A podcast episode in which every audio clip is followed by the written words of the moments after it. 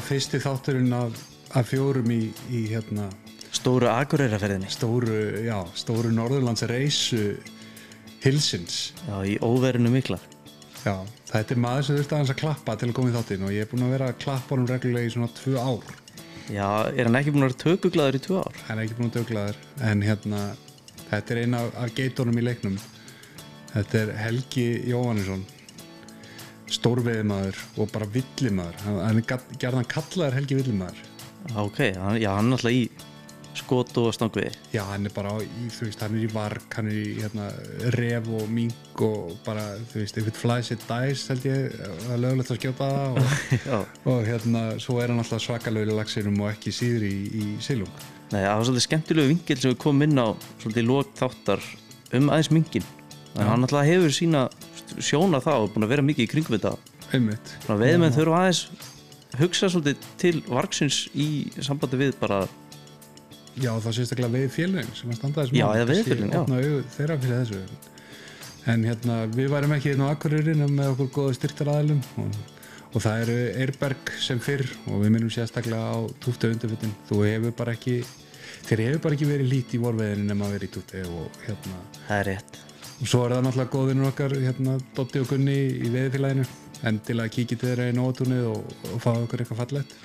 Fylskinn sokka Sílsís okkar nemaður, uss, tala nú ekki um það. Nei, En svo eru við líka með hérna, sérstakka aðalega sem gera okkur kleift að fara að þessu ferð og það er hérna Avis bílalega minnum á að hérna að endilega ef þú ert á, á hérna bara svona þessum re- regular station og ert að fara í, í hérna einhverja góða veiðferða spare, spare yourself the misery og leiðu bara jeppa frá Avis og, og rúlaðu safe í veiðina á glænum bíl. Og svo er það veiði ríkið. Ekki bara eina, heldur besta veiðibúðuna akkur Helgi Jóhannesson, njótið.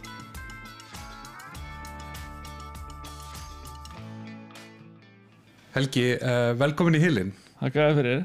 Takk fyrir að hitta okkur hérna í norðanföru Hillsins og, og gefa þið tíma til að spjalla við okkur Ekki vandamúlið.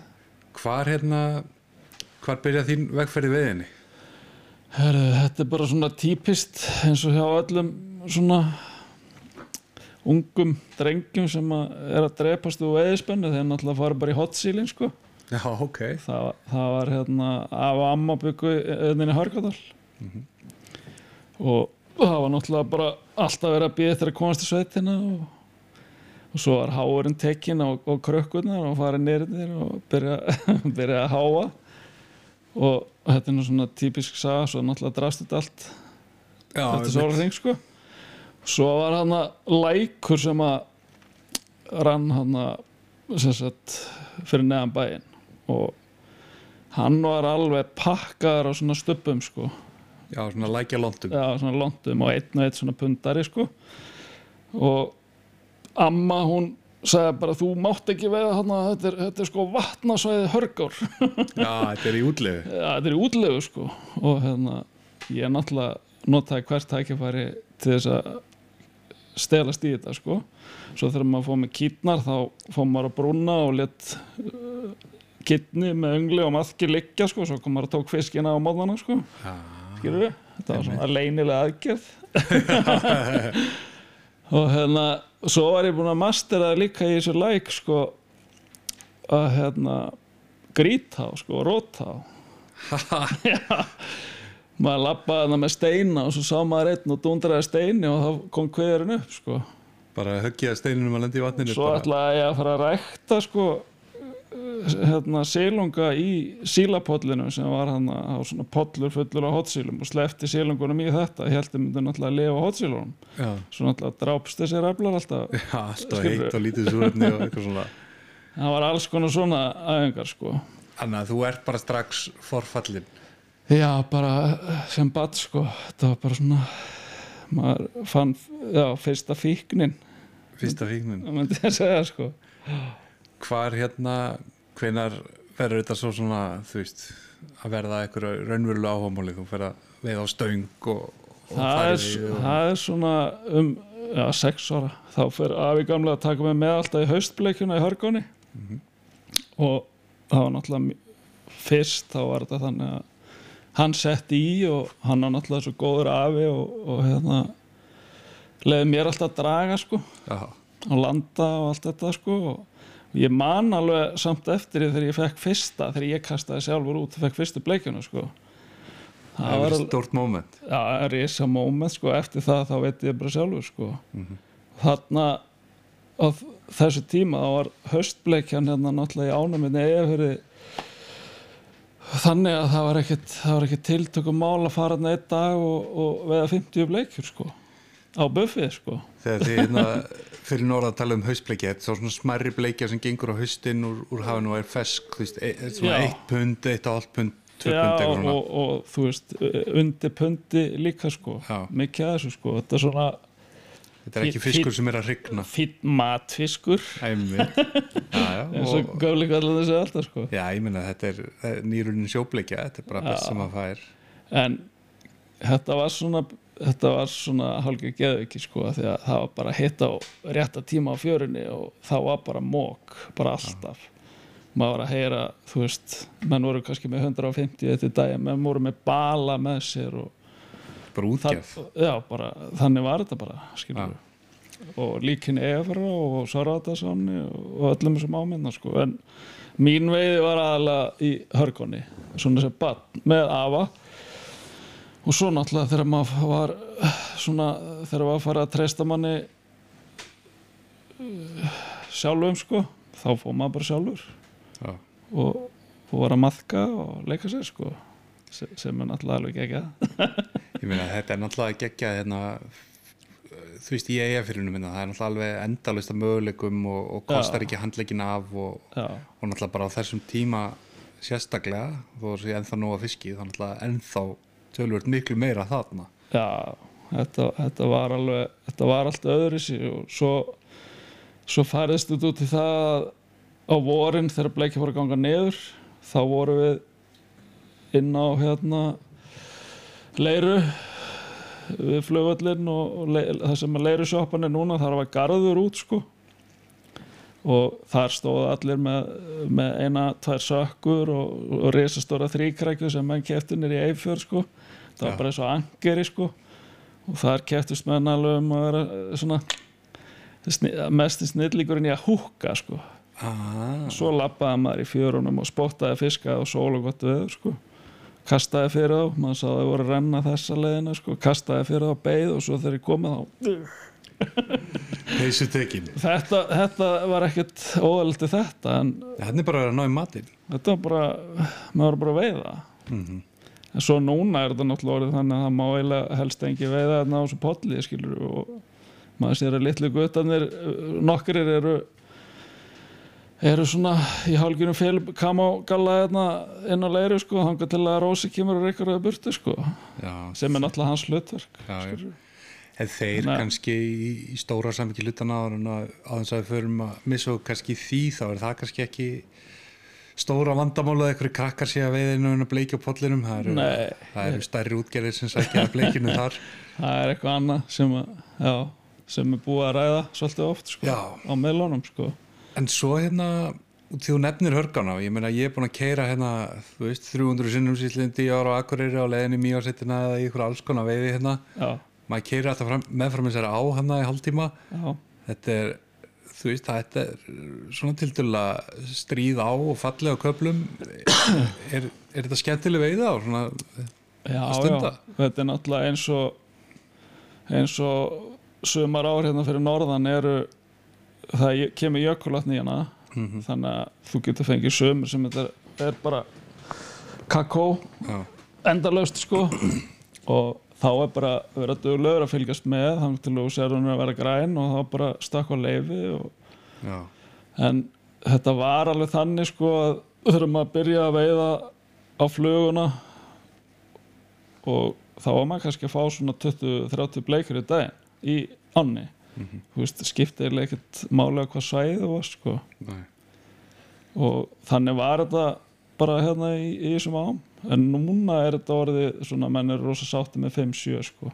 Já, og bara menn er að nulla sem að var aldrei skilur nei, en áin sem slík er, er þannig að hún, hún er mjög skemmtileg fyrir þá sem að nann að læra á hana eins, eins og bara öll veiði bara. Öll veiði er sko.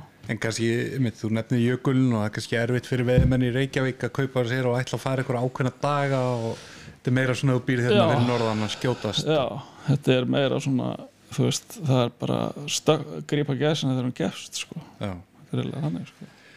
Hvar hérna hvar kemur Marjulaxinn og byrja svona svo þráikja Já, hann, hann kemur náttúrulega bara í fnjáská og þá er það afi, þá er ég að veða með afa eins og, eins og alltaf sko þegar þegar ég var svona yngri ég var 12 ára og þá náttúrulega og tíðkaðist það að þegar menn fóru með krakkana með sér þá var alltaf verið að lega þeim að laumast með aukast öng og svona sko. Já, já. skiljið sem að bara eins og gengur. Og hérna hafa ofan fyrir þeim.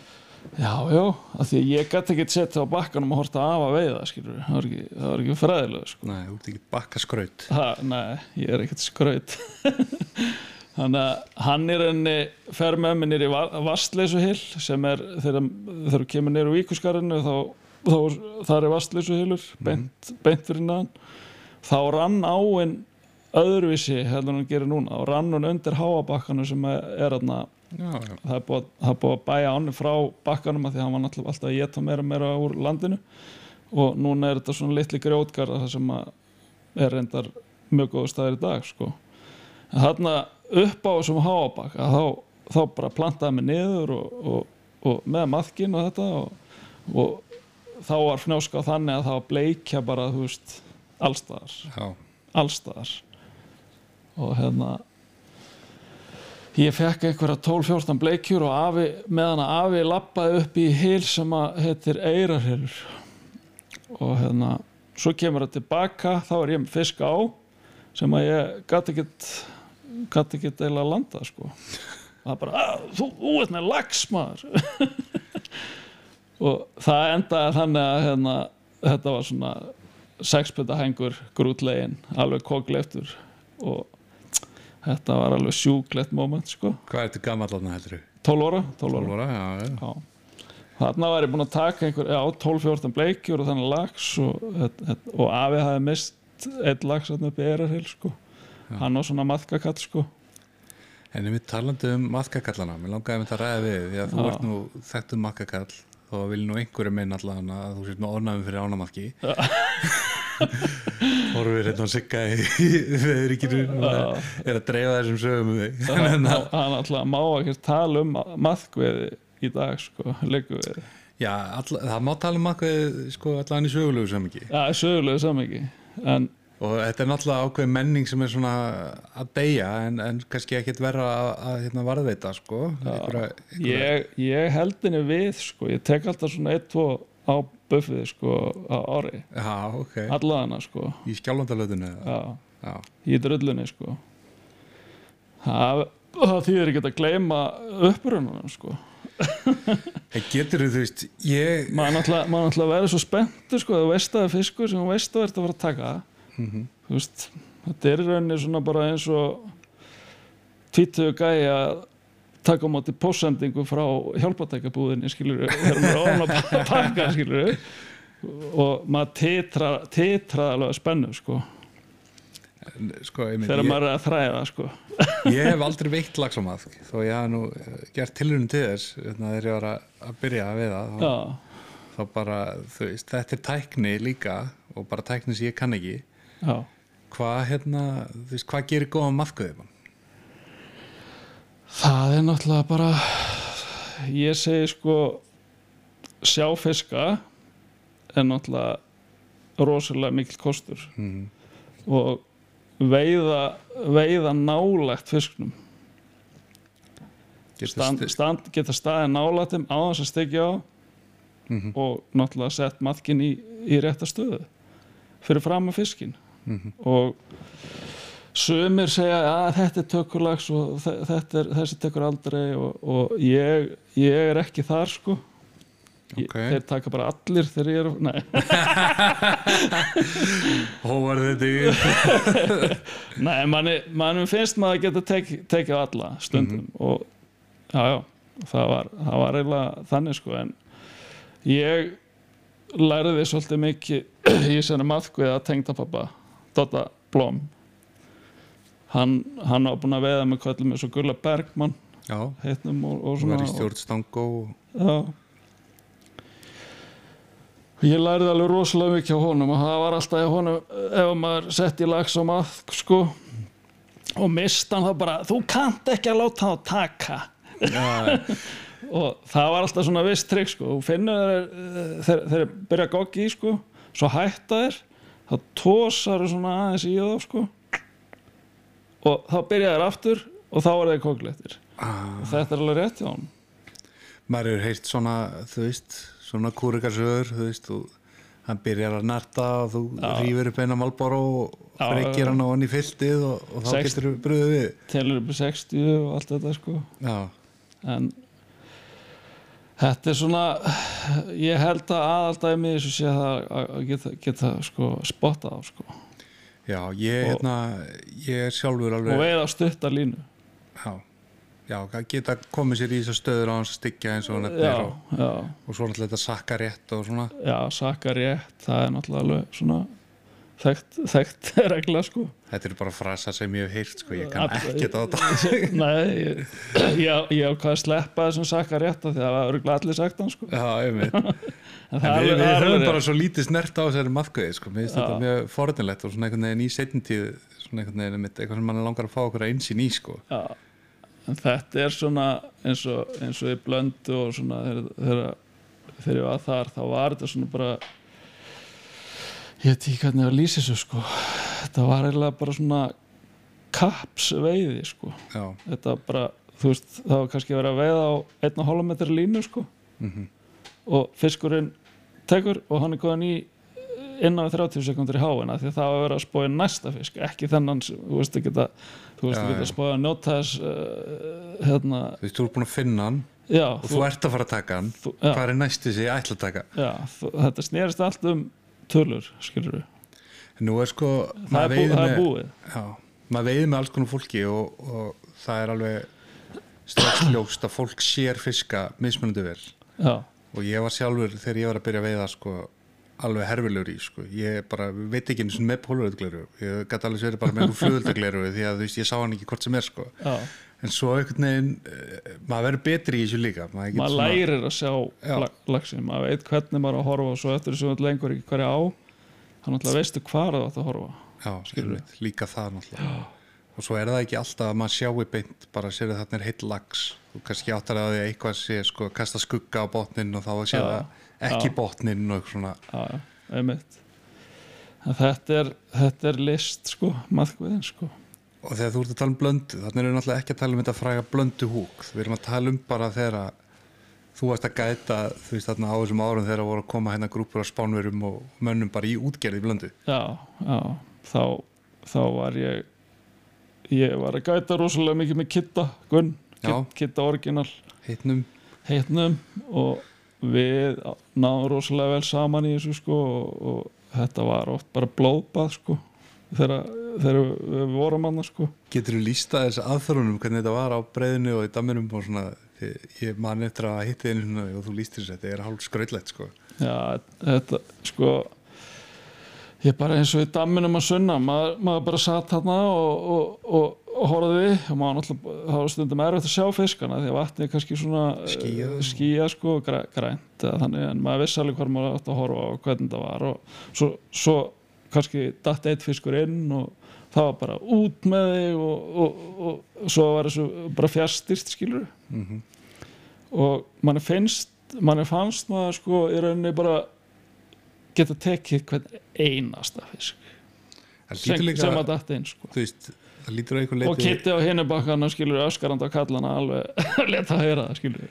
Þetta Og- að vera svolítið keik fyrir ykkur líka því að þú ert í rauninni að fjárstýra öllu sem rauninni gerist og hann já, klettinu já, já, ég menna maður var náttúrulega bara eins og margir gætar hafa sagt sko, ég, ég var bara veiða í gegnum kunnana Mhm. skilur og svo bara lega fiskur að koma á þá bara hljóp maður niður og maður reyndi að vera eins fljótur og maður gatt að koma hann í land já, konum í land, takk úr honum setja næsta buffa á og út með þig og býttu, þá ætlum ekki komin upp á svo fór maður upp á að, einn metr út, ja, niður með stengina allt þetta skilur já, já.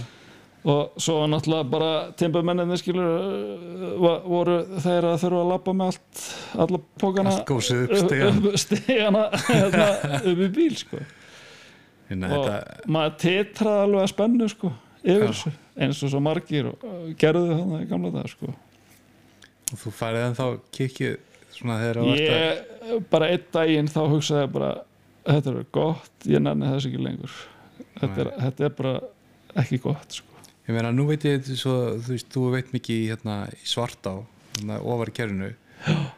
Og, og þú veist, það eru menn með eitthvað kenningar að, að svartálagsin aðnum bara svolítið horfið í þessa útgerð til dæmis. já, já, Það er kannski verið farin að sjá einhverja hnignun ofar í kerfinu út frá, já, að því manni lík, þetta var líka það að maður fekk svona óbytt á þessu um, maðkadrápi þessu, þessu drápi á maðkina það nefur frá. Ma, mann hefur horfið að þykja pínu væntu svarta og maður hugsa alltaf býtu hún verið erfið sko. Og maður hugsa býtu það búið að þetta alltaf það niður frá. Já, það, svo var þetta náttúrulega til þess að átni setur kvóta á drápi niður frá sem var samt 40 lagsar á dag, sko. sem var samt rú, góður sko 48 held ég, veist, 12 lagsar á en stöng. allavega allavega voru menn ekki að gera eins og eins og, eins og uh, maður var stundum að taka þátt í kannski 20-25 lagsar stöng á einni vakt skilur, það var búið sko. og 100 lagsar dagar. Já, og tengdapappi og fleiri og, og fullt af góðum, góðum maðkaköllum sem voru hann sko, sem að voru bara að taka hundralags að daga sko, léttilega sko. en og svo var alltaf að tala um blanda versi sjálf sko, að því hún er lituð Mm það er bara það er bara komið annað daginn sko, Já, við erum alltaf að horfa á hana núna sorglegi fyrra og svona og náttúrulega fleiri, þú veist, það er ekki að líma þetta á maðguðina, sko. Nei, ég held að þetta sé nú eitthvað annað sko, í kerfinu sko. Já, Bara. en en, þú veist, maður horfir á hvernig hefði þetta verið ef að allur þessi þó fiskur sem hafi komið, hafi lent Já. í buffinu núna, sko, já, já, Hva, á hvað vegferð var við þá, sko? Já. Ég sá ekkert eitthvað rosa mun á svart á sko þó að hérna drápimingaðin er í blöndu sko. Nei, nei, einhvern veginn. En mér varst ég sjá mesta mun þegar þeir voru með tjarnir í svartá.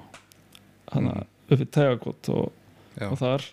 Mér varst ég sjá mesta muni þegar það hætti sko já, fiskur sem er að rata hann bara beint já, já mér varst þetta svona einhvern veginn detta niður sko. Mhm. en eins og ég segi ég, ég er búin að sjá hundralagsa, rúmlega hundralagsa vikur þarna, tvisar Já, í sartáni mikið og ég man ekki hvort það við reiknuð út sko, hvort það var 80% að þessu var bara yfir 70 sko, einu sinni sko.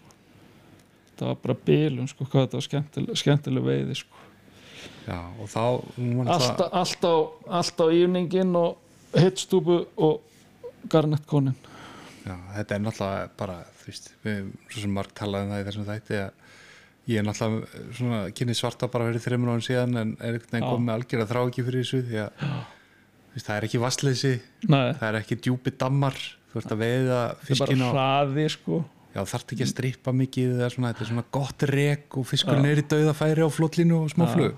Eins og margir segja sko hraði staðir. Mm og bara það er eiginlega bara engin staður leiðilegur Nei, í ánni, þannig sé sko.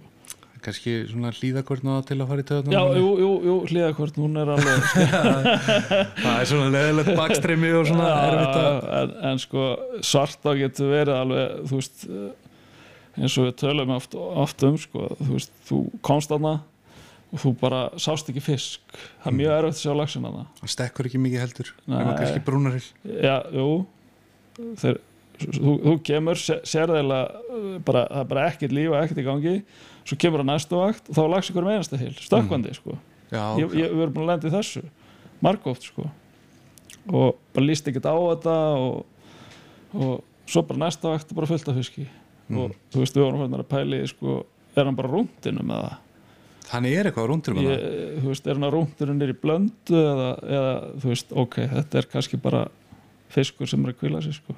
Það. en það er satt, þú veist, það eru náttúrulega þessi staðir, þú veist, þarna bröttulega strengur, brúnarhýlur og tegakot og svona sem að halda fiskum alltaf, sko. Já, já, já, en svo að maður er að fara, þú veist, þetta er þannig á, þú veist, vegurinn liggur bara meðfram og maður getur skotist, þetta eru ekki stóri staðir. Já, þannig að maður var að fara, þú veist, kannski fór á alltaf þessa staði á milli. Já, og hérna, jafnvel gæt maður kíkt á bakkan og sé bara, "Heyrðu, það er engin fiskur hérna. Svo kom að daginn eftir já, og þá, þá þú veist, voru mættið tveir. Já.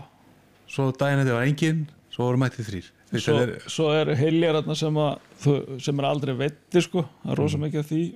Og sömur eru alltaf eitt fiskur. Eða, þú þú veist, ég þarf að yfirheyra Allt- þetta off kamera sko. alltaf eitt en, en aldrei fleiri en eitt nei, skilur en, og svo eru ómerti staðir áni sem að þegar við mættum að það bara löpuð þangað og fengur nokkara sko. já, þeir eru, þetta er skemmtilega á líka þú veist, hún er svo, hún er svo skrítin hún er svo röð já, og það er oft bara best staðurinn fyrir laxinn á löngum kapla er kannski bara ein, tveir laxar fyrir aftan eitt stein sem er út í bara einhverjum ólganda sko. já þetta, þetta er nefnilega alveg ótrúlegt hvað hann er í miklum hraða mm. með aðrar ár sko, finnst mér já, veginn, sko. það er kannski hægt vatn hérna sem þú myndir áallega að væri en hann, þá er hann ekkert þar.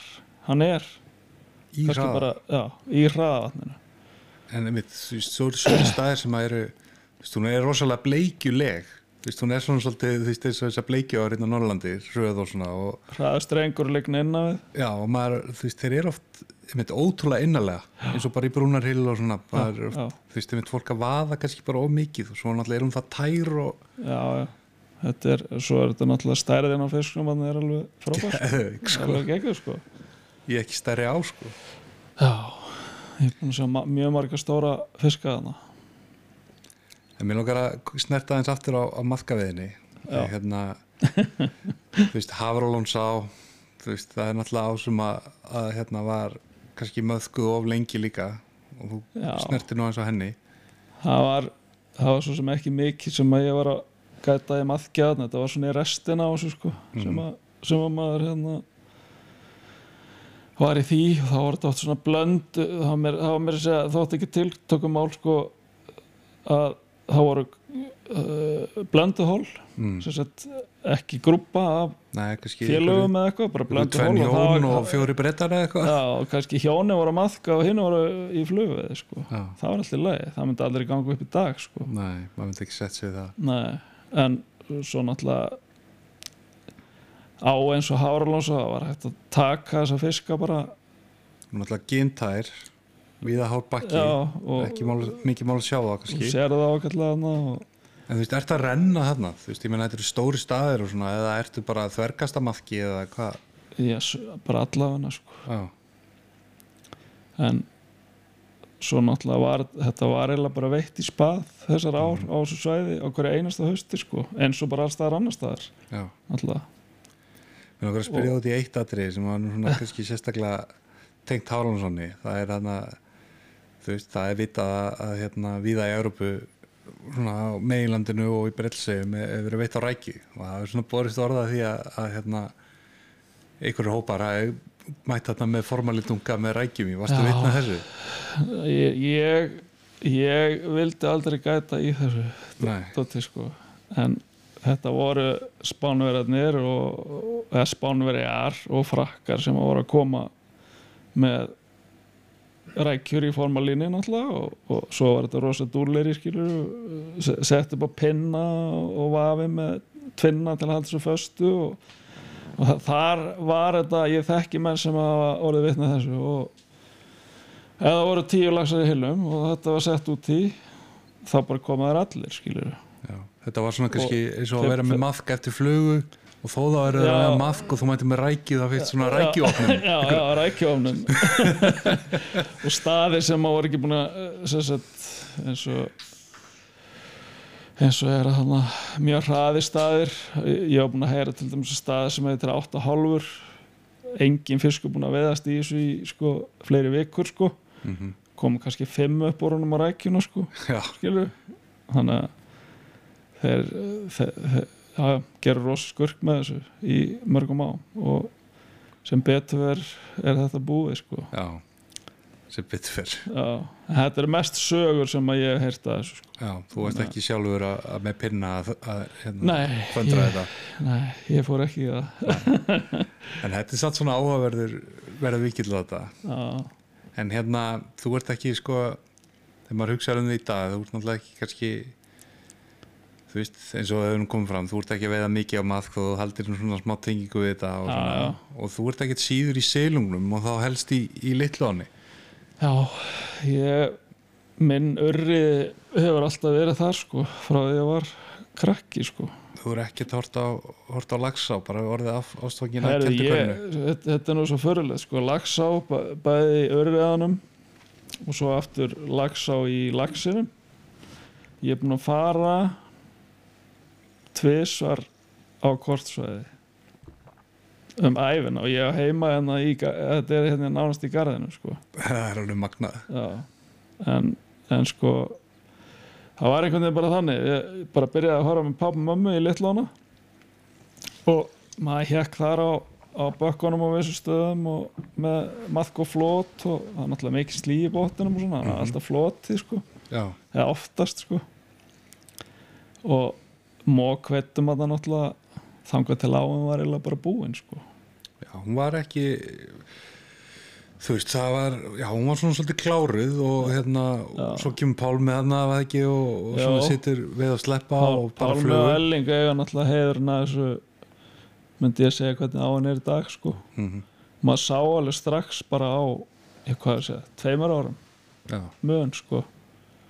Og þessi stóru fiskar sem að, maður var alltaf að veiða þeir, þeir eru bara hortnir og varst að fá bara 35 cm titti þarna koglekta skilur já, eða krakkarnir sko.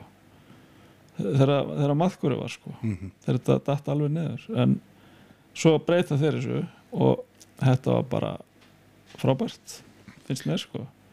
Þó að margir hafa verið brjálæðir og pappa og mamma náttúrulega voru ekki nei þau veið ekki að flugu sko. Og hann að þau eiginlega hafa ekkert veitt hann síðan að þetta þessu var breytt sko. Nei. sem er svona eins og alltaf þetta er bínu sorglegt þegar eitthvað tekið það er í rauninni verið að taka frá. Já, já, því ég myndi alveg vilja fara með, fara með vildi alveg halda áfram að fara með þeim að veiða mhm. eins og maður gerði alltaf þarna. En þú veist, bara veiði ála og er orðið svo mikið og það er svo margi veiðimenn og eitthvað, þetta er bara Já, já, og margir góðir. Margi góðir, það er líka og orðið bara ómargir góðir held ég sko. Já. En hvernig veiði á er litla á fyrir þér? Ég er nú farað þarna nokksunum ég, þú veist, og veitt og átt skemmtileg moment en ég hef ekki alveg náð einhverju svaka tengingu við þetta svæði beitt. Nei, þetta er í rauninni sko stórkostlega á sko finnst mér að eins og allir vita þá er náttúrulega rosalegt fæði frambóðana sko og það er svona eins og með svarta og þú getur alveg komið hana og uh, það er bara ekkert í gangi ekki neitt og maður það stundum að, maður það stundum að segja maður það stundum að segja við þegar ég hef verið að gæta að maður stundum þurft að segja við kúnana sko býttu bara þangað til að uppítakan byrja skilur þá Já. sérðu hvað er mikið af fiski skilur Mm -hmm. og, og hérna að því að áin virka bara döið en það er bara, þá er bara svo mikið æti niðri að þeir, það bara er engin hreyfing. Þú skilur stundum ekki sko akkur er ekki uppítaka, það er bara brjálæðislega gott veður sko, Já, já. akkur er ekki uppítaka? Það er klak og, og þú veist al, allt Þeir þurfu ekki að gera annað en bara að sitja og opna munnin. það er bara svo mikið, mikill matur Já, þarna sko. Og þetta er svo náttúrulega bleikjanana og í gamla daga þá var þetta þá voru að veða svo mikið að sjóbleiku sko. Já, en núna miklu miklu minna minnst eins og það er náttúrulega bara eins og aðstæða sjóbleikan búin að dala sko og náttúrulega áinn kannski hlínað eða eitthvað, það er ekki að vera svo sem orðið bara einhvern veginn meiri urriða. já og svo eins og í sömar það náttúrulega, var náttúrulega alveg rosalega gott veður og þá náttúrulega bara var á uh, skjáltavatni komið upp í 20 og eitthvað gráður sko Já, já.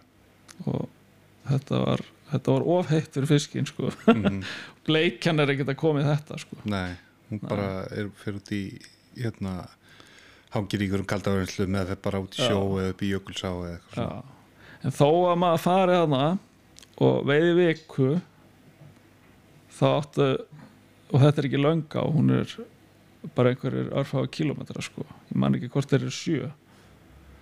Og þó sést búin að vera þetta í viku að gæta fimm stangir þá, er, þá finnst þér, finnst aldrei eins og þú sett búin að full veiða allt saman.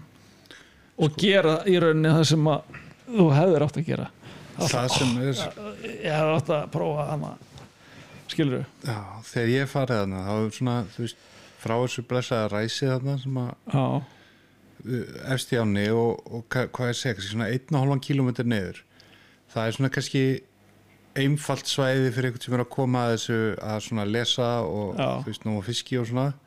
Svo þegar maður er að fara neðar þá svona svolítið allan að mér, fallast mér svolítið hendur sko, þetta breyðir svolítið úr sér þetta er orðið svolítið mikið vatn og, og hérna, minna landslæg í áni þú veist ekki þessar svona S-beigur eins og eru þarna efst og svona. Nei, nei. Ekki svona obvious hiljir. Nei, en þetta eru þegar tæti ykkur. Þetta er í rauninni bara ef þú kemur veist ekki neitt þá, þá myndi ég segja sko frá ræsinu eins og að kalla, þetta heitir enda veghylur svo á, á skulum bara kalla það það segja veghylur það er miklu- er fallera fallera nafn sko.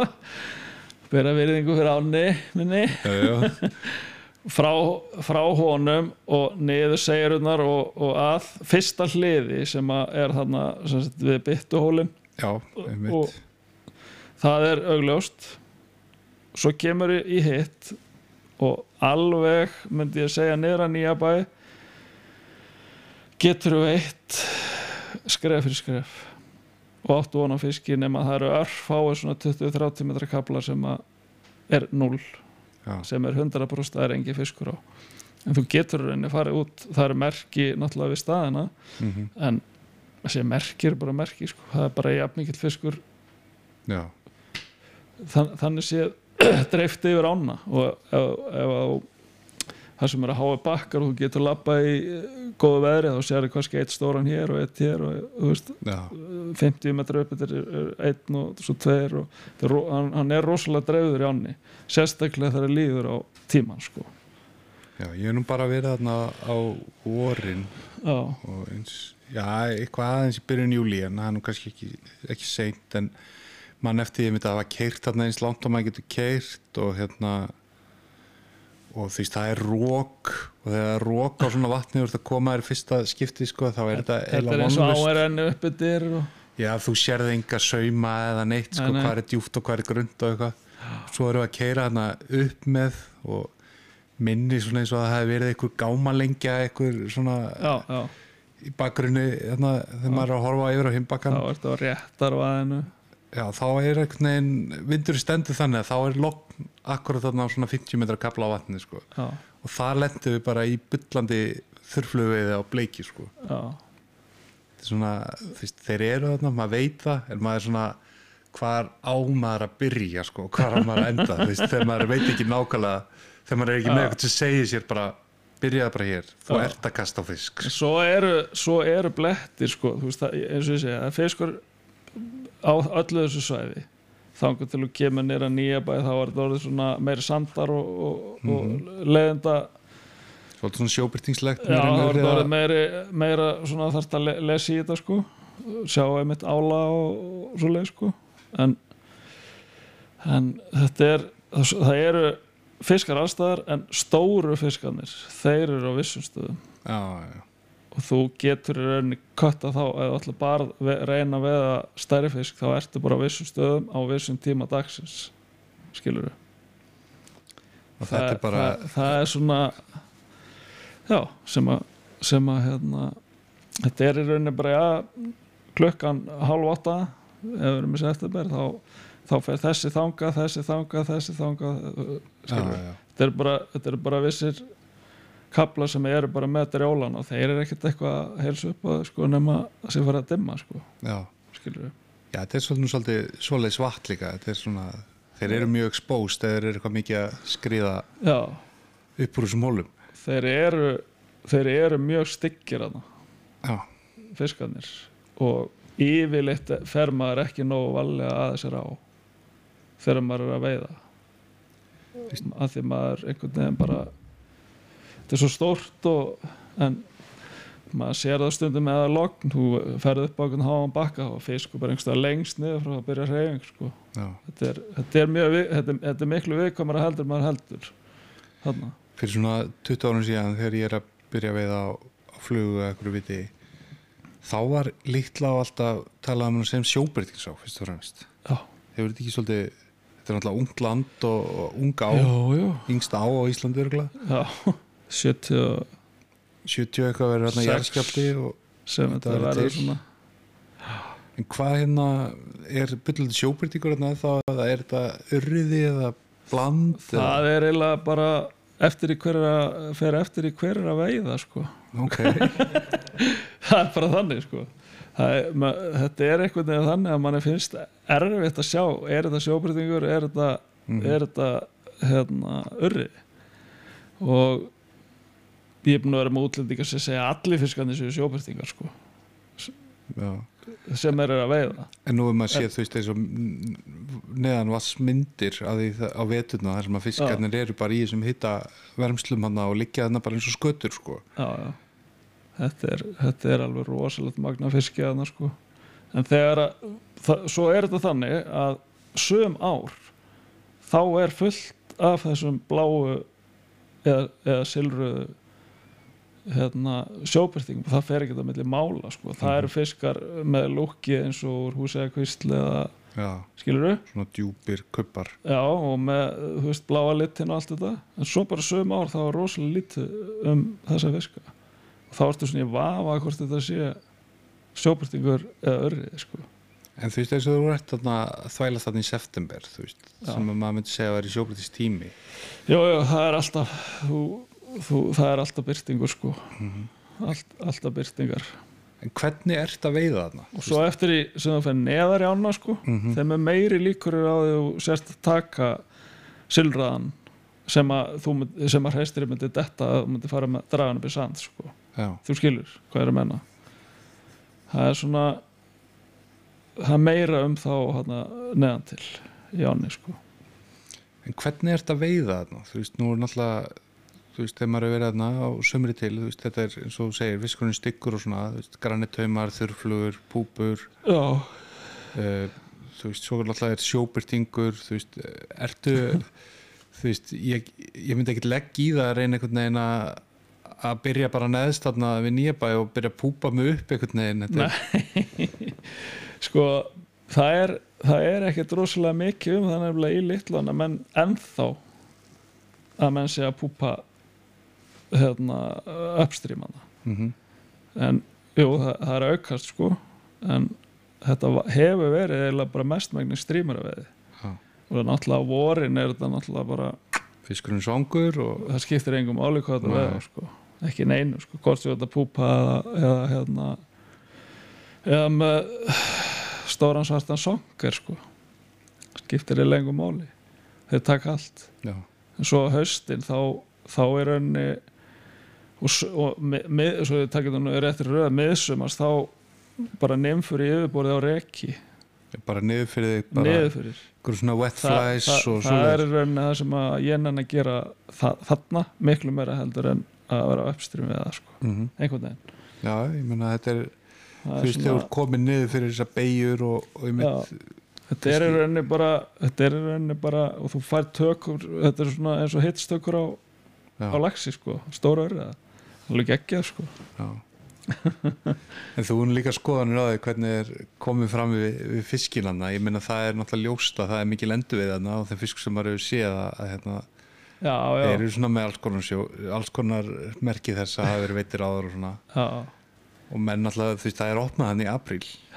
Þetta er alltaf rosalega langu veiðtími sem er orðin alltaf eins og mjög mörgum ám sko. mm en ég ég myndi vilja hafa þetta þá er ekkert bara að tala um þess á sko. heldur bara allar ára að sérstaklega á vorin í ískulda sko.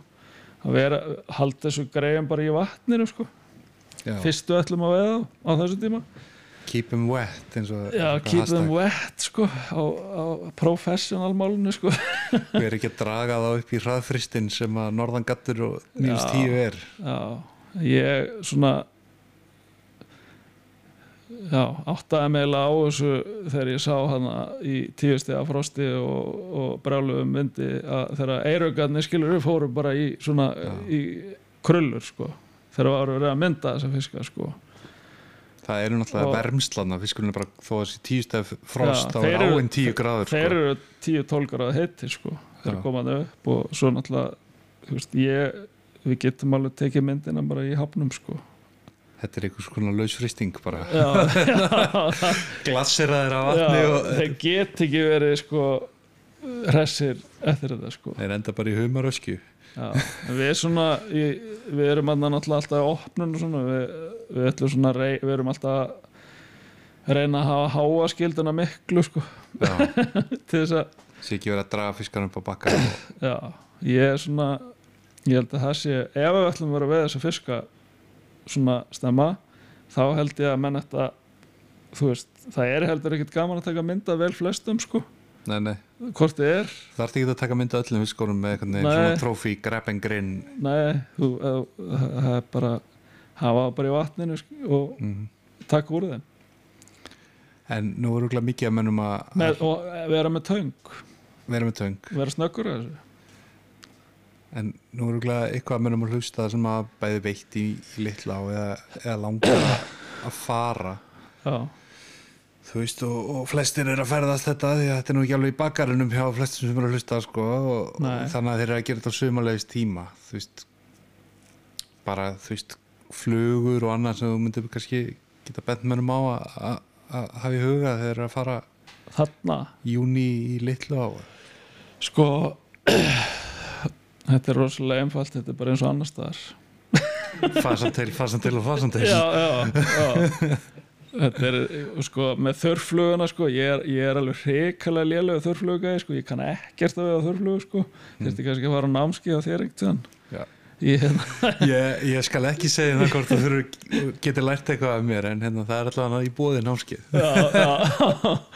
ég hef alveg fengið slatta fiskum á þörflugu, ég, ég, veist, ég kann ekkert á þetta, þess vegna það er svolítið gaman að maður hefur fengið svo, svoleiðis kallaði gætir í hana. Mm maður læri mest þá, af þá þeim. læri maður að þeim sko. En þetta er ég myndi allavega bara að vera með Black Ghost er náttúrulega ef við erum að tala um byrjum að strömmflugunum sko, Mhm. þá er þetta Black Ghost og sem mann náttúrulega drepur allt allstaðar sko, það klikkar ekki og, og rektor og e- þessi dýrbítar bara já. og noblerar dýrbíturinn alltaf verið til hann á Og- bakkanum eða fær nafnið sitt allan já, já, er nafnið sitt þarna á bakkanum sko. en svo er ein fluga og þetta er bara eins og púpa með hérna, marabúskotti mm og strippur hatt eins og svona laxastrippi sko. Bara er- svart marabú og já, eða, eða ólega eða eitthvað Já. þetta er alveg dellið annars sko. bara, þetta er svona eins og algjöri mín í noblera sko. já, svona svolítið öðru sí Það gæti að verið svona dægurflugu lirfa já sem not- noti kattis eða þetta eitthvað er sko. þetta er kallað já, sem er til dæmi sko. sem ég er, hef notað þetta alveg opbóðslega mikið til dæmis í villíka vatni já, þetta er Þetta er alveg Þetta er mjög delli fluga þetta er, þetta er sko, menn er alltaf að reyna að líka til síli. Mhm. og alltaf konir í sko þennan gæða sko, augu og 5 cm já, en sílin eru bara centimetrar sko. Langflest. Já, það er alveg, alveg þannig. Og Það þetta, málið, þetta er sko. svona gert sem einhver eftirlíkinga hérna lirfu drekaflug. Já drekaflug sem að ekki heima hérna en það eru lítið í kjaldukörnu þetta virkar ég sko. Maður sá einhverja, fagur bláa drekaflug glakkarna Já, grænt, græn ólíu græn hérna. Marabú með bláu glimmeri maður bara, hvað er þetta? Og svo bara, þetta sín virkar sko. Helgi, þú ert náttúrulega þú veist, þú ert mikill hérna, minkur í veiði og hérna alls það sem þú gefur fara sögur að aflarhróttum og, og annað. Þú, þú getur ekki reynt að neyta fyrir það og ég veit að reyna það. En þú maður segir ekkert frá hinundu sko, sem maður fær ekki neitt. Þeir eru margir líka sko. þeir eru nefnilega alveg margir sko. En eins og vill átt verða með, með svolítið menn, þá ertu dregin út í, í leiðsögn á einhvern tímúti hvernig, hvernig byrjað það? já, það það var bara það var í rauninni sko steppi sig sko sem að Akureyringur? Ak- er akkurýringur og er, er núna að reyna að selja mennu veðilegu alls það sko jú, jú. og hérna ég er náttúrulega sko ætla, ætla langa alltaf að fara í þetta sko, gæta, vera bara geta bara verið allt sumar í vera allt sumar í vöðlunum og veiða sko og hérna og hann bara ringir í mig einn daginn og segir bara, heyrðu, þú voru að koma og hérna, ertu ekki til að koma og, og, í Háralónið. Ég bara, ég hef aldrei verið þar sko. Það skiptir engum máli. Þetta hljómar eins og hann að verið þarna að steppi að vinna á gullaldar árum lagsár þegar allt var einhvern veginn að svo já, allt, allt og margir kunnar og, og allt, Allt og of fáir gætar og- og, já, já. og ég bara ákvað að fara í þetta? Og, og, og hann renni bara ég kem bara og, og hann renni bara létt yfir ána sko. Mm.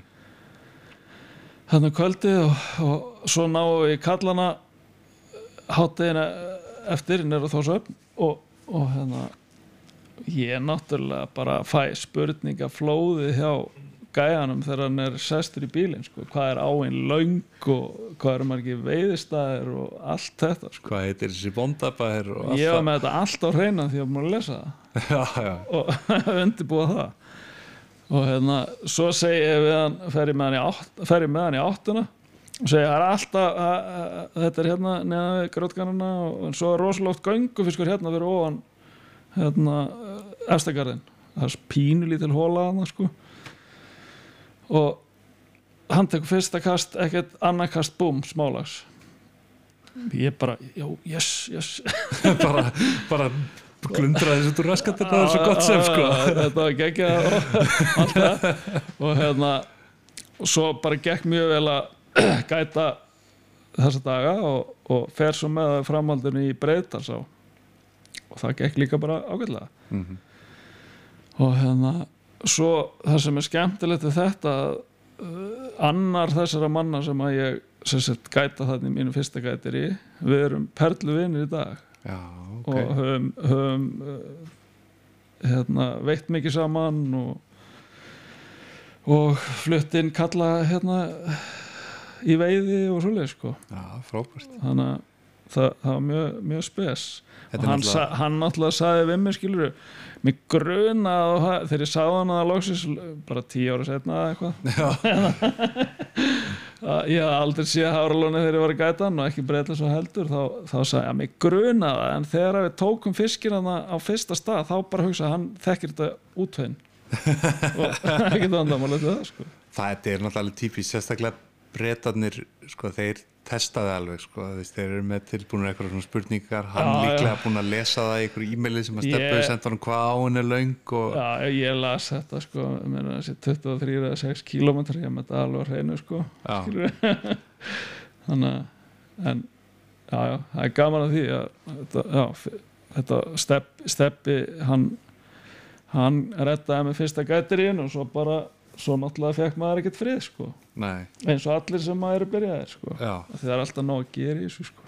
Já, sérstaklega núna. Það er eiginlega bara fáralegur það er bara gæta skortur já, á landinu. Já, en hérna, að maður er í smá pásu frá, frá svona þannig sko. Já, þú, þú er minkað eins við. Já, en þú ert svona kannski í allan að teki ég þig svona í setjum tíð við, við sela og, og hérna, kannski ásana. Já svona, er, er það eitthvað svona, hvernig endar þar svo? það er í rauninni bara sko ásarnir það er svona það er nú svolítið langt síðan ég var þar sko.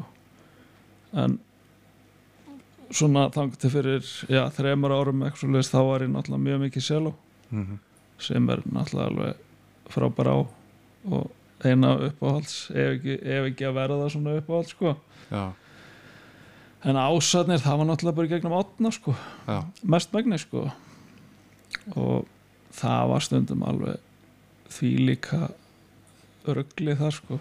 Þó það var ekki maðkur já, einmitt það þarf ekki maðkinn til eða ná að fiski. Ég, ég og Helgi Guðbarnas við til dæmis gætuðum hann að 80 pluss ára spánverja sko í nokkur ár. Það var með minnir yfirleitt síðasta vikan í júli það, þeir veittu svona 2-3 tíma vakt kannski. Mhm. og þetta voru svona 120 og ég man mest þá voru þeir held ég með 180 Jésús, eftir 6 dagana sko. Jésús og sló, og sló Tvær stangir. tvær stangir og, og hérna gamli kallar sem að höfðu ekki mikla yfirferð sko. Nei, og eins og, eins og minn hersöðingin hann gamli sko hann, Já, þú varst búin að nefna um einhverja sögu eða einhverjum góðum hersöðinga hann var svolítið sérstakur sko. Hann, við skildum alveg hvern annan sko. Þó að hann talaði bara spænsku og ég skil ekki orðið henni og, og, og ég talaði bara íslensku. Og hérna hann gerði alltaf allt nákvæmlega sem maður sagði honum að gera. Hann hafði lært það örgla kittagun Já, og hérna það er ekki gefin Tomma þar. að því kitti gæta hann sko áður og ég, ég, þetta var alltaf þannig sko að þegar ég mætti í hús á mótnana þá bent hann bara lappirnar á sig sko. Þá þurfti ég að reyma skóna því að hann gæti það ekki sko. Já, og hérna, ég gerði það bara og, og hérna, það er svona eina skipti sem ég hef sætt mig við að vera þjótt bara, bara böllir ég hef alltaf ég gæt ekki þjótt Já, en þarna sætti ég mig bara við að ég, ég væri eiginlega bara svona þjótt sko. Já, Svo kerði ég alltaf með hann er í Krókhill og sem er náttúrulega eitt frægast staðurinn ánni. Og tók tjaldstólinn á baki sko leitti svo kallin í ána og, og, og það var náttúrulega alltaf fiskur á þessu tími, þetta var náttúrulega besti tími og ekkert vesen. Og stundum stundum bara tók kallin kannski 6-8 lagsa upp úr þessum hil og þetta var ekkert eitthvað vesen sko. Næ og hérna alltaf held ég á þessum stól fyrir hann.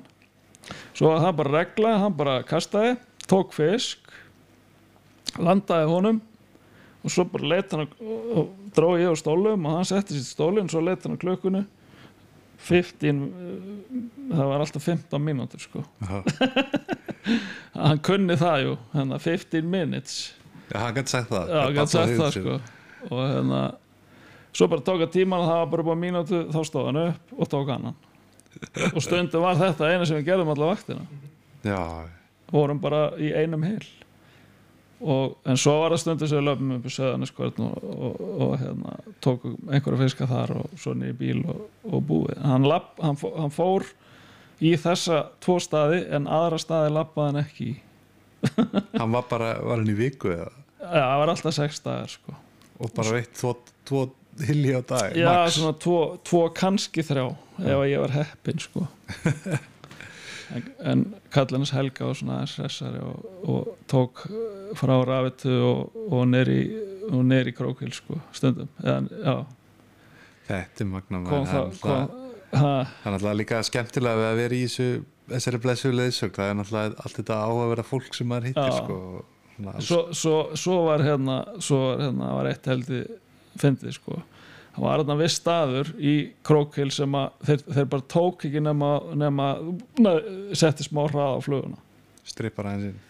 Og Kitty sagði mér að þú, þú, hérna, þú tekið eftir í sko að ef þú segir finish þá hérna, eða, eða stopp þá, þá líður bara sekund og þá byrjar hann að spóla inn. Og ég bara á þá hérna nota þetta þegar flugan er að á tökustæðin. Og það var alltaf bara paraiso, stopp og þá kom alltaf bóm, fiskur en þetta var svona eitt af þessum Kitty kendi mér. Ég lærði alveg rosalega mikið á honum í, í sambandi við svona hann er náttúrulega eitt af þessu legendum sem ég allavega fekk ekki tækja á að, Já. í lifans lífi en, en maður heyri mikið af svona þegar maður er að tala um mönn sem að já, ég, ég lærði mjög mikið á hann og, og hérna svo eru náttúrulega fleiri góðir sem að ég hef lært mikið að sko. Denni, Benni náttúrulega við náttúrulega veitum mikið saman og, og gæta mikið saman sko. Mikill spekulantur. Og, og fleiri og fleiri tengdi í maðgnum og svona. Já. þannig að þetta er svona Það, þetta, þetta verður ekki til tómarúmi það þarf að læra af öðrum og, já og svo er maður líka lært af sko bara lélum við þeim sko. Okay, Líka. já, þú veist, ég, var til dæmis já með einn í Háralónu sem að ég var með henni fjara dag á holli hann var, hann var svona ég er ekkert sérstakur veðikatt sko en átti samt lagsvið á úti Mhm. Skotlandi og hann dró upp úr veskinu eitthvað, eitthvað svona taum með svona risastóra möllir sko. Og stóðst heil engrækju, tvær flugur á taumnum. Og honum gekk ekkert eitthvað sérstaklega vel að, að fá lagsa en samt einhverja og allt í lagi með það. Og hérna grenja alltaf um það að fá að veiða þetta sko. Og ég hugsaði bara hei þetta, þú veist, náttúrulega með stórkallastælana skilur við, þegar maður er komið sjálfströsti í ánni, en þetta virkar ekki hérna, þú erum ekki til þessu og, og, og hérna helvitis möllir og eitthvað svona helvitis rugl sko. Dropper og eitthvað. Og þetta er bara eh, sem sagt, það er svona kannski 30 cm þá kemur dropperinn á tauminn með þessum stóra möllir og svo svona meter kannski þar er, þar er hérna stótt steil. einhverja númer 14 og ég, já, já, eins og ég segi neitaði að setja þetta undir og svo hugsaði bara, pff, ok, ég get ekki verið svona leiðilegu kalkari sko. var að leiða honum að gera það feð með hann upp í stapa og hans þá fer hann að útskýra fyrir mig hvernig það virkar þá er þetta þannig að möllerinn hann náttúrulega bara skautar býr, býr til smá læti og disturbans eða mikillæti sko. Já. Að þi- þetta við erum að tala um sko svona gömlu einkrækjuna númer Já, svona sko, númer- strímir já, með- númer fjögur sko, lagsa einkrækja sko. Já, bara risa bolti sko. Og hérna þeir taka alltaf stótstelin sko. Svona eitt eitthvað tíu sem tekur möllerinn og, og ég er bara ok, prófum þetta. Fem með hann niður og niður í stapa það er náttúrulega alltaf lagsa þar. Hann setur þetta út í, það það var bara brjálaðist allt sko. Það var bara einu landa, annar mistur og einhverja reysingar sko. Svo prófaði hann þetta í einhverjum hiljum eftir þetta og alltaf eitthvað í gangi. Þetta er leynitur ekki góða sem það ætlar að segja okkur. Já, þetta En- er svona leinitrygg sem ég ætla ekki að segja neinum en það er engin leinitryggs lengur með öllum þessum Nei. meilum og podcastum og en ég meina þú veist bara ef þetta gefur bjargar einhverjum meitt lags einhvern tímann það er betra að gefa henn að þykja já, já, en þarna er henni þarna er henni læri maður eitthvað skiluru en ég held að ég væri miklu klára en hann sko en hann er bara með þetta og hann svo, svo bara sagði mig ég veiði hvernig einasta fisk á þetta í annar minni. Þetta er bara komið með enn eitt verkfæri í þína tösku sko. já, ég man eftir að hafa prófa svona í einhverju brýjari og hérna verið með hits bara, svona klassist hits eins og við þekkjum og einmitt á hérna pointinu bara Francis 16 sko. Já, og það var sama sko, veist, þetta veiti rosa vel og, og alltaf tók hann Francisinn sko. Já. Og maður var með þetta kannski sumar langt einhvern tímann og svo bara glemdi maður þessu sko. Já, ég, ég, hef ekki prófað þetta í mörg, mörg, mörg ár. Nei, nei, ég hef ekkert gert það lengi heldur sko. En það hann gaf mér svona uppsett sko. Já, ég átti, svo bara týndi og svo bara myndi ég eftir þessum daginn. Fyndi á skuli nefnda helgi þegar ég var akkurat, sko, það var svona vakið fyrir mér að ég er að fara, hérna ef að COVID leifir til Argentínu sjóbyrting Já, og hérna, og þar við vorum um þetta að ræða þetta, ég og Birki bara um daginn að hérna, þar eru þeir mikið með svona stóra já, og svo bara, þú veist, silungapúpu aftan í. Mm og það er einmitt þetta hérna, þú veist hann reyður svo miklu vatni, grípur einhvern veginn aðtekli fyrstins en þú veist, hann er ekkert endilega til í að taka taka alltaf- eitthvað svona Takk alltaf lit taka litla dótið sko. Það eru glikkur sem getur græða sér bónus lags á þessu þessu komedi það væri gaman að heyra af því að menn alltaf eitthvað að prófa það sko. En hérna, það er hérna, við erum með styrtaræðila á, á þættinum eins og alltaf og hérna sem hérna gerur okkur kleift að halda þessu úti. Já, og það er hérna einn af þeim er Eirberg. Og þeir eru alltaf með fasta spurningu hérna í þættinum. Fyrir utan alltaf að ég var alltaf að segja öllum að drífa sér í túftu undirföttin og allt það sko. Sem er alltaf bara, þú veist að það er goes without saying sko, Já, þetta er besti, besti undirfatnaðarinn á markaðanum en þeim langar alltaf að vita hérna, eftirlætis veðistæðar eða svona hvert er reykar hugurinn á fullkonum degi? Já Þeir eru náttúrulega rosalega margir eins og, eins og hjá vel flestum sko. En ég var með tvo. Mm að því varst náttúrulega búin að undirbúa með þessu spurningu sko. að og, en ég get eiginlega ekki valið á milli. En það er sem sagt rauðhylur og krókur í Selá. Og það er svona staðir sem að maður fer eða ekkert í nema það gerist eitthvað sko. Mm og tæknilega séð er rauðhylur svona einn erfiðasti lagstæður sem að þú getur veitt sko. Að þess hvað vegna leiti það er bara, þú þarft bara að þú ert að veiða flotlinu og þú ert að veiða smáflugu og þú kastar, þarft að kasta vist langri línu, standa akkurat á þessum stað mm og menda akkurat að rétta tímanum og, svo, og línan það er svo skrítið strömlega á hann sko. Það myndast eitthvað svona döð lína í miðum hilnum og þannig að línan er í rauninni svona. Já, þú, þú, veist, þú hendur er- mendinu og hún kemur svona einhvern veginn í Já, þetta er svona og teknilega þegar þú finnur út þessu þá bara ertu með þetta. Já, ok, þá, þá, og þú ert með þetta. þá bara ferðu í þennan stað að það kemur alltaf fiskur. Já, eða svona eitthvað líf. Já, já, en teknilega sé er hann rosalega erfiður eh, og þú þarfst að byrja að strippa á réttu tíma og allt þetta. Og hrikalega skemmtilegu fiskur og náttúrulega stórlaststaður mm líka. Og einn af þeim stöðum sem að náttúrulega kveikna fyrst á eftir að fiskurinn er farin upp. Já, í selá sko.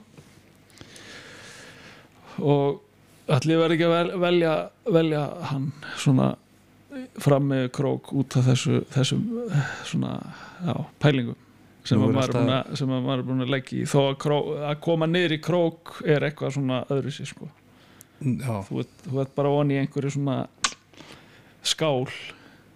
Er og það er ekkert þar nema fullt laxi já, og stórum sko. Og já, frábær stæðir nú er einhvern veginn þegar maður tala við sko góða viðmenn þá þú veist, ég mitt komaður oft inn á þetta þú veist, ég hekk að því þú talar um sko mendið, kastið, staðsninguna þú veist ekki tala um sko blútsjármnum og þetta. Er eitthvað sérstætt þú veist sem að þú hefur lært og hefur, þér finnst svona gera veðmenn að góðum veðmennum í þú veist mendinu, horninu sem þið kasta eða Þetta er mikið að pæli því þegar þú ert að veðalags Já, já, mjög mikið sko. Og það eru bara sömur og sérstaklega er eitt atrið eins og þegar menn er að veða smáflugu sem að sem að margir vita að eh, bara ef þú réttir ykkur tömnum þá fari ekki fisk. Ef þú réttir ykkur tömnum í kastin mm skilur byrjar ekki strax að veiða, hún er bara að byrja að veiða þegar hún komið fram hjá fiskinn Já, hann er að byrja að veiða svona þegar hann á eh, 20% eftir sko. Þetta er líka eitt sem að ég, ég sá þetta í langá. Þar var þetta þannig að maður kastaði og svo þurfti maður að menda og hæja eins mikið á einhverju mikroflugu eins og maður gatt það var eina leiðin til að fá það til að taka. Já, á bara beinni línu skilur já, bara, það var smá bugur ekki. En þetta er svona eitthvað kannski menn festast oft mjög mikið í þessum flugupælingum. Ætla að leysa gátuna þannig sko. Það eru bara fleiri fleiri hlutir in play sko. Já. En hot, hotnið sem þú kastar er fyrst með mikilvægt sko og einmitt að rétt úr tömnum og svo náttúrulega þegar þú ferð ferð út í það kona já, kona á einmitt. kona sem, sem, að, er í rauninni það erfiðast að held ég í Mhm. flugveði sko. þá, þá snýst þetta náttúrulega um að, að þú þarft að menda á rétt, réttu tíma og, og fá hann til að sökva fá hana til að sökva og allt þetta sko og mér finnst bara rosalega fáir veiðamenn vera með með þetta með kónin sko. Mm þú getur kastað kón og hann er alltaf upp í yfirborðinu sko. Já, þú veist, En- þú ert kannski meira staðsitja þvert á fiskinn sem þú ætlar ekki að veiða sko. Já, maður, maður er þvert á fiskinn og annað sko en ég veit ekki hvort þetta er orðið svona bannorð í, í flugveð samfélagi en að tala um eitthvað annað en yfirbórsvið sko. Nei, alls ekki hér allan Nei, þetta er allt mitt bara verkfæri sko. Þetta er allt verkværi en svo er náttúrulega búið að taka þennan möguleika út eins og ég sé lá Mhm. og það jafnar veiðina að því það er ekki einhverjir einmitt þessi klára gæjar sem að geta komið og tekið bara bum bum bum. Já, einmitt. Með öllum aðferðum, það er í rauninni eina aðferð í gangi og það er yfirborðið og sem er mjög spennandi sko. Já, já. Og, og virka fyrir þau í rauninni, mörgu leti og það, það ég held að þessi fleiri kunnar sem að skils mér eru ánæðir, það er ekki eitt sem að fara ekkert og er einhver annar sem að fara 30 sko.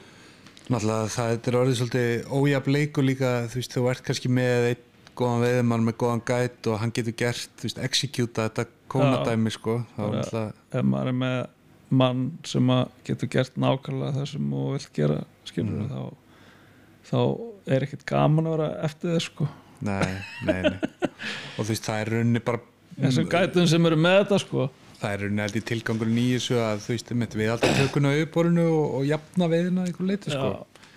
En það er líka ágætt á nefndir sko rétt úr flugunni og svona veist, ég, ég rétt og tömd rétt úr tömnum. Að ég nefnd dreist inn í einhverju umræði hann og kallaða hrókafullur og eitthvað þegar ég var að lýsa því að gef mér mér, mér finnst það alveg lígilegt hvað íslíkar eru latir að annarkvort kónatauma eða veið á kóniska já, þú veist, þú ert að kasta lánt og það er oft vindur og svona.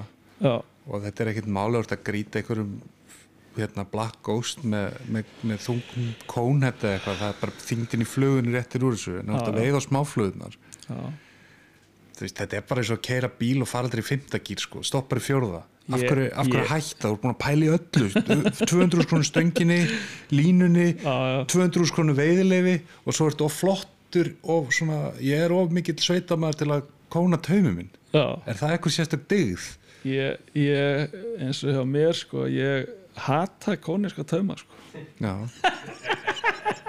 Já, já, þú veist, ég, sérstaklega, sérstaklega í leiðsögna því að þetta var yfirlega þannig að menn kom eitthvað orvis hérna einhverja gamla orvis tauma skiluru eða hvað þetta var og ógeðslega mjútt í endan já, þetta bara sást alla sko og það var alveg örugt að ef það tók fiskur þá sleitt hann Já. það er bara, þú veist, það er bara þannig að ég einhvern veginn tók hefur litt þetta drasl og sagði bara þetta fer ekkit uh, í ána og hensi bara rusli sko. Já, og fannst það bara nokkuð gaman sko. En þú veist, það er einmitt með þessar konsktöfum maður þarf að klippa á tilbaka og bæta aftur á þá. Já, eða bara taka sjálfur þú veist hérna faðma 20 butta maxima gera ráð fyrir að böttið sé rúmlega helmingur og, og svo bara splæsa kannski 15 og svo 10 framan á það sko. Ég, þetta ég er gæinn sko sem að sem að þegar ég er koðan að bakka sko á bílum þá bara hvar eru tömmanir og svo, svo finn ég bara einhverja rullu sko. Er þetta maxi, eh, þetta er maxima þetta er, þetta er, þetta er 10 kíló ok, og svo fer ég bara stað. Já, já, Og- en þú þart að geta rétt úr þessu. Ég veit það, en já ég, hérna, ég er rosalega lítið að pæla í þessu en en eina sem að ég svona eh, er farin að gera það er ef ég er með mikroflugurnar þá vil ég hafa flugakarbantæm já, einhvern veginn að því að ég sérstaklega hægu vatni, ég nenni ekki að horfa á gáru af tömnum sko. nei. Um, það verður að brjóta filmuna. Já, komast í gegnum filmuna. Ef þú sér taumin hitsa á vatninu mm á eftir einhverju pínulítilli þryggreikju sko eða tvíkreikju, hvað er þá náttúrulega færðinga fisk sko. Nei. Það er alveg, það er alveg örugt nema að sé Ja. alveg bara sprell gengin já, og, nýkomin sko. Sé bara að prófa eitthvað nýtt sko. En, veist, þetta er allt svona djöfullin er einhvern veginn í smáatriðanum sko, að vinna þetta með sér. Ég er mjög, mjög svona ég gleyma að pæli smáðrjónum af því að ég er bara hugsa um að komast út. Já, já, en þú veist, þú veist ég er ekki segja að vera fanatískur á að kóna til tauma og eitthvað, en ef, þú veist Nei, ef þú ert hérna, þú veist, einmitt að bara baksíði að fá fisk þá eru alls konar svona hluti sem geta bara einhvern veginn hjálpað þér að- að komast á að gera þetta aðeins ég, auðvöldara ég hef klálega séð það að menn sem eru í þessu eins og maður, maður náttúrulega, það er miklu meiri seglónskalla sem að vilja eða tíma í þetta. Mm og maður sér alveg munin og kostum Já, það er alveg þannig sko. Um leið og komið smá vindur og eitthvað að að kasta þessum flugum sem að hafa enga já. Þessar litlu, pinkulitlu lagsarflugur eða þurrflugur létta eða, nefnför eða eitthvað svoleið sko. Þú, þú sérð alveg munin sko. það er alveg það er alveg þannig að samt einhvern veginn er maður svo kærleis að já, þú veist það bara en það er nú líka bara það sem að víslíkar erum sko, þú veist, við höfum einhvern veginn alist upp í landið sem var bara alltaf nóga fiski já, og hérna maður fær alltaf eitthvað. Já, þú veist, svo fær maður þessu útlendingar sem eru alltaf hérna, búið að berja alla urriða í hausinn bara alla daga hundra manns. Já, og þeir eru einhvern veginn konum miklu lengra og svo eru við alltaf að færast nær þeim. Það er minna fiski, meira álag okkur, fleiri góðu veðumenn og svona. Og þá þarf maður einhvern veginn bara að fylgja með þeim maður ætlar að ná það álag í urriða sko. Nei, af því að þá örrið átna voru þannig það var, það var bókaðir einhverjir með tvo daga svo komið fjóri dagir frí. Mm þannig var það til dæmis í litla það, það voru gött hér og þar og þannig að álæði svona, þú veist, þetta var ekki alveg en núna er salan orðin alltaf og mikil í ör, örriðadæminu mhm. þannig að hérna og það er bara fullt að köllu sem nenni ekkert að vera lag sko. hitt er eitthvað, eitthvað sem að vilja bara í þessu og þetta, bara, þetta verður þannig held ég að sílungur verður orðið bara vinsalli heldur lagsin að langt til líður sko. ég er bara eins og við þreytist ekki á að tala um þessu þætti sko, þú veist, ungi beðmenn í dag þú veist, þegar að mér sé bara eins og þegar ég og örgulega þú líka, maður byrjaði sílungi alltaf Já. með það mark með endi lagsi já, þú veist, þessi strákar í dag, þeir, æ, þeir eru ekkert að stefna á lagsin veist, hann er out of reach, hann er of dýr og Já, þú veist, já, það er ekkert spennandi. Þeir, þeim langar bara að veiða stærri sílung eða kannski Já. sjóbyrting eða stórun urrið á þurflugu eða já, já, þú veist, það er engin, það er engin aspirasjón að að veiða lags endilega sko. það er bara verið ykkur að ríka kalla sem kunni ekki að veiða. Já, Ég meina, ég hef búin að bóka mér hvað, fimm eða sex sílungsöðlefi ekki eitt lagsöðlefi en þá allavega? Nei, ég, ég er sama. Ég, ég kannski maður fá þetta í honum ég, mér finnst svona eiginlega skemmt, miklu skemmtilega að gæta í örriða sko. Já, þetta er, mér, hitt, hitt, er eiginlega sko, þegar þú ert búin að vera lengi sömu áni og kanti þetta þá, þá er þetta ofta tíðum svona bara of auðvelt sko. sko, Já, á eða, göngutíma sko. eða alveg Já. þegar þú, þekkir inn á einhverja á og ert búin að vera lengi gerir alltaf sama Já, og líka bara þegar að lagsviðin er vonlaus þá getur hún náttúrulega svo rosalega veist, það er engin fiskur að koma. Veist, þeir liggja bara límdu upp botnin og þú veist, já, já, það er einhvern veginn en, en urriðin, hann þarf að nota sumari til að geta, Já, hann hefur ekki efnað að taka sér dag í pásu eða láta sér lega sko. þannig að ef, að ef að það er yfir höfuð urriði eða sjópstíkur eða eitthvað. Það verða bara þér að kenna Það var hægt- það var hægt- ekki það sko. var hægt að vinna í málunum sko. já, það eru taumannir og flugurnar og allt, allt þetta sem við tala um sko. en hvort tvekja er náttúrulega alveg mjög, mjög skemmtilegt sko, að sinn hátt þannig, þannig sko. ég finnst alveg aðeinslega að blanda þessu öllu saman sko. En, mitt, taka urriðan og jafnvel að, að gæta þú veist ég tek ur, hérna urriða og bleikju gætir í til 15. júli og áður en ég tjekka minni lagsin bara, mæti bara á besta tíma já, já. Bet, það, er, það er þekkt stað sko. En menn, þetta taka præmið og, og svo verður að vera erfitt, erfitt að veiða þá, þá hverfa þær Já, reyndar, það er mjög, mjög þekkt stað ég, ég þjáist reyndar eitthvað í þessu til svona 20. 22. september þetta árið allan þannig að maður fær alveg að þjást líka en hérna hann Siggi Ófittir sem sittur hérna í sófarum hjá okkur og sést ekki í mynd hann Já. er hérna hann er einna mönnur sem að stendur á baku það að við, við skelltum okkur hérna norður að taka sér viðtöl og hann reykur ekki bara einu, heldur bestu veðibúðun á já, já, veiðiríkið á Erinni já. en til að kíkja við í honum en hann er ekki sko hann, sko ég sá skítaglottið á honum þegar hann var að segja mér ég spurði hann hérna um spurningu í bóði, bóði við, hérna veiði ríkisins já. hann segi, berðu bara undir að minka hóluna og sögur hann bak við það. Já, eina skítasögu. Já, sko það var, það var þannig að ég, ég hérna á félaga sem heitir Trausti Hákonarsson mjög góðu vinnu minn og og við félagi til margar ára sko. Og, og hérna hann var eitthvað að spurja mér svona út í minka við hana því ég er náttúrulega búin að vera mjög mikið í því þú öllu. ert náttúrulega bara í öllu þú ert í já. og ref og gæs og önd og bara nefndu það Já, já, þetta er allt saman if it flies it Tek- dies þetta tekur allt við einhverju öðru yfir árið sko og hérna svo, já, hann var að spurja mig svona, hvernig finn ég minkagreini? Og, og hérna, bara ef ég sé svona svo ég geti látið vita og getur farið hana með hundana og tekið og slátra þessu, það er náttúrulega ótækt að sé alltaf minkar út um allar ár og, og allt þetta sko. Og ég til seiðinn og svona. Og svo förum við í fnjóska og ég fyrir með hann í hérna fyrir mér auðhill og það er svona stór brekkan er hillnum og, og hérna við löpun er hillnum og ég segi, herðu, byrjað þú bara ég er alveg að skýta á mig sko.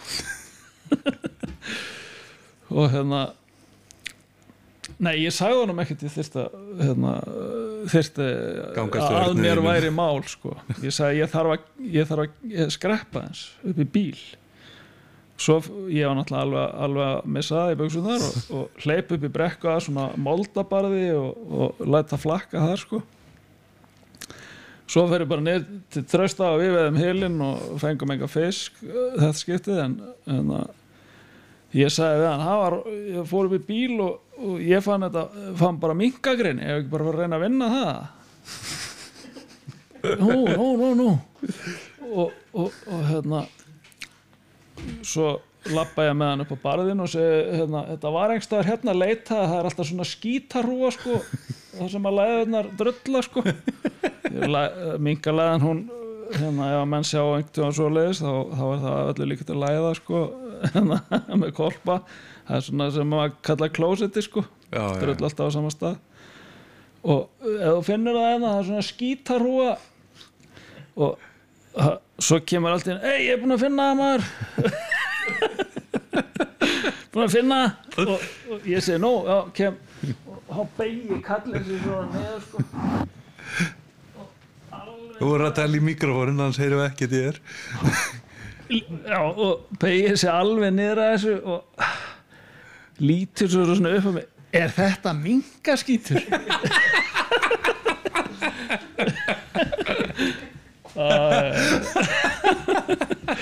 er þetta mingaskítur? Held- Hefur þótt að svona heldur mikið seira til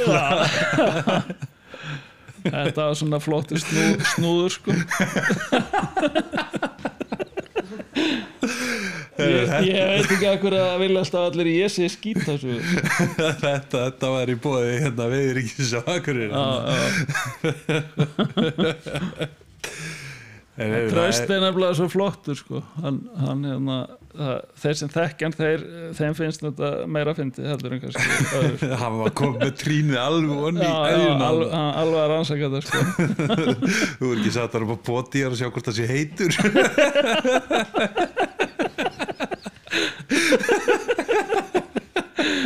hann hefur örgulega gert það hann er svo, hann er svo kvati sko. hugsa eftir hann hefur potið pröfað það, sko. en hérna því að við nefnum nú minkin hérna svona með vágestur í íslenskri náttúru.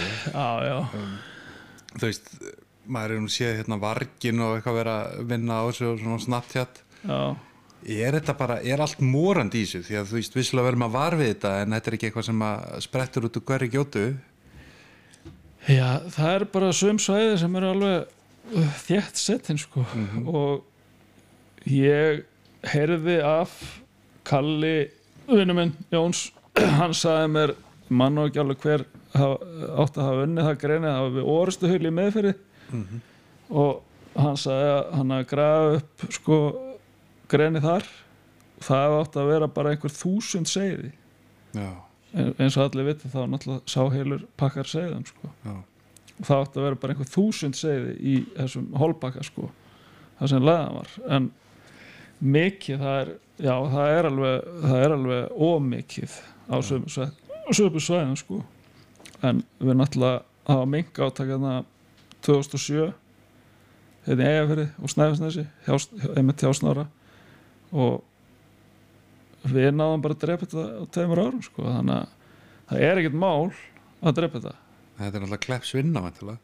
Já, já, er alveg, það þarf bara peninga og áhuga saman veiðmenn sko. Og þetta er ekkert mál að drepa þetta alveg niður á öllu landinu ef að menn vil eða peningum í það sko.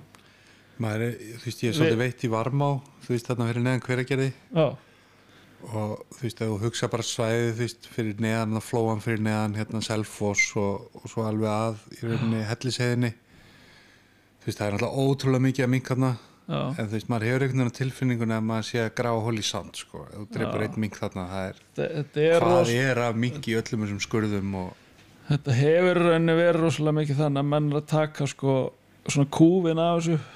Já, og svo er þetta bara eins árið ja, taka ykkur á skorpu leiður sér svo bara að koma upp aftur já, eða, eða bara, þú veist þeir, þú mátt veiða þetta marga minga segir sveitastjórnir sko já, við borguður ekki ekki fyrir meira og þá fara menn að taka kúin að þessu og svo bara þegar ég koma árið eftir þá bara, þá bara jafn mikið til sko. ágætis business model í rauninni sko. Þú getur bara að lappa sama vegi náttur áttur Já, en, en sko þegar þú gerir þetta ekstra sko sinn, Mhm. þegar er eitt kannski tífaldur tíma með hvað er að gera þá er, þá er engstundur að drepa þetta niður.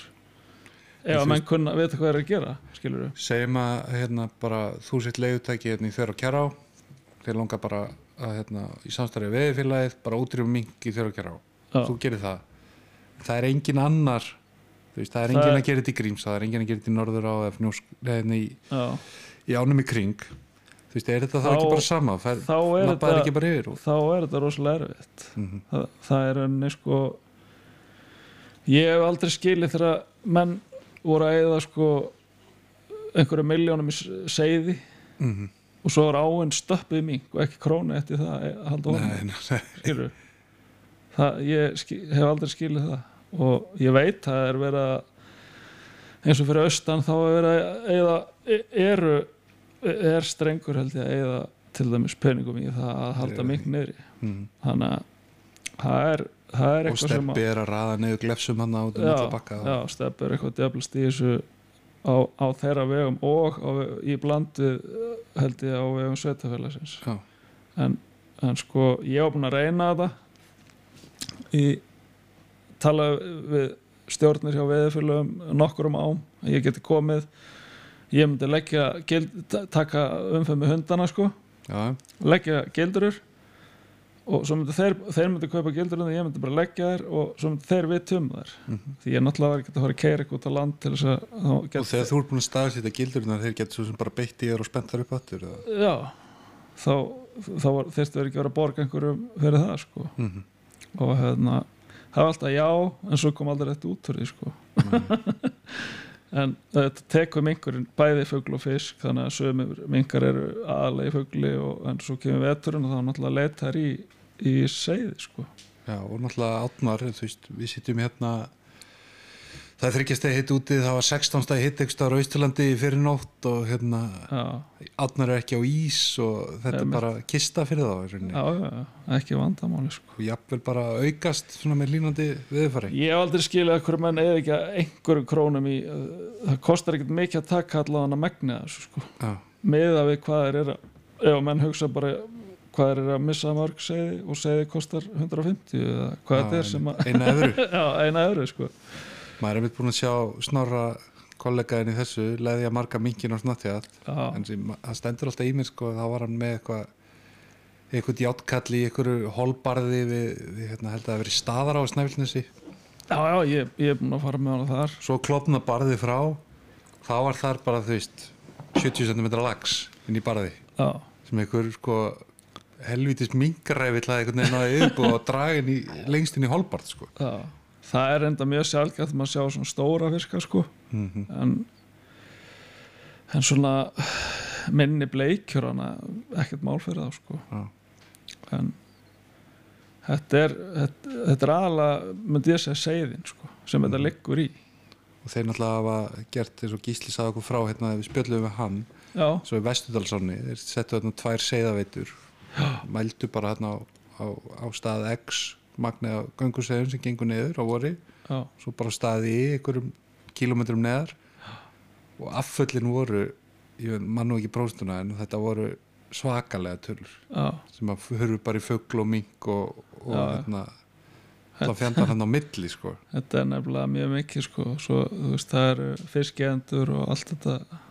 Já, svo, svo skarfurinn er farin, í land sko. Mhm. lómur eins og í litlóni það er nú eitt sem að ég veit ekki hvort er að hafa áhrif á ána en með, uh, svona hafa tilfinningu að það væri eitthvað aðeins að róast þetta eru sveiflur öllum ám. Mm en lómafjöldin hana þetta var ekkert orðið venilegt sko.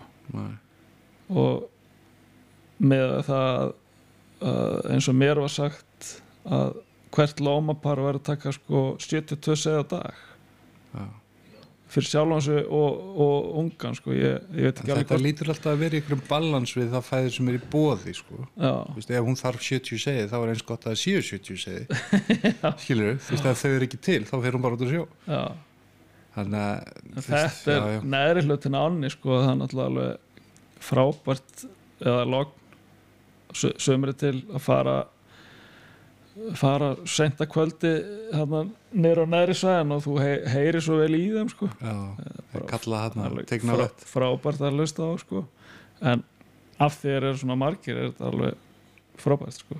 þangað til að maður sér það með segði kæftin Já, en svo er líka annað í þessu þetta blasir hans öðru við með minkinu því að hann er náttúrulega þessi vágjastur sko, þetta, er, þetta er okkar klúður og, og hérna, jú, jú. neina á sér ekki stað í okkar visskerfi sko. Nei, þetta er, þetta er náttúrulega tilbúið vandamál sko. eins, eins og svo mörg önnur sko. og stefnir í annað sennilega með þessu fiskeldi. Eða við skulum ekki tala um Nei, er bara vonandi að vonandi að hérna, þetta hjal okkar verði kannski einhverjum vitundavakning í, í þessum málum. Já, Ætlar að fara eitthvað sjálfur að veiða í sumar, eitthvað skemmtilegt sem að na, nei, ég Jú, jú, auðvitað ætla ég að veiða sko. En ekkert skemmtilegt sko. ekkert nýtt sem að stend til að Jú, prófa? jú, ég, ætla, ég, ætla, ég fer í litla hana. Það er alltaf svona það er eiginlega bara núna síðust ár hérna voru veðin og svo í september Mhm. í örðan og svo náttúrulega bara að þetta er voða mikið þannig að maður er stökku í eitthvað bara. Já, frekar sko. Maður það getur verið. Helgi, Maður- takk kærlega fyrir að gefa þið tíma og hitta okkur hérna í Hillum. Þetta er búið að vera helviti gott spjall hjá okkur. Við erum búin að fara um, um víða. Takk og sömulegis bara eða gott, gott við þessum árs sömulegis kallum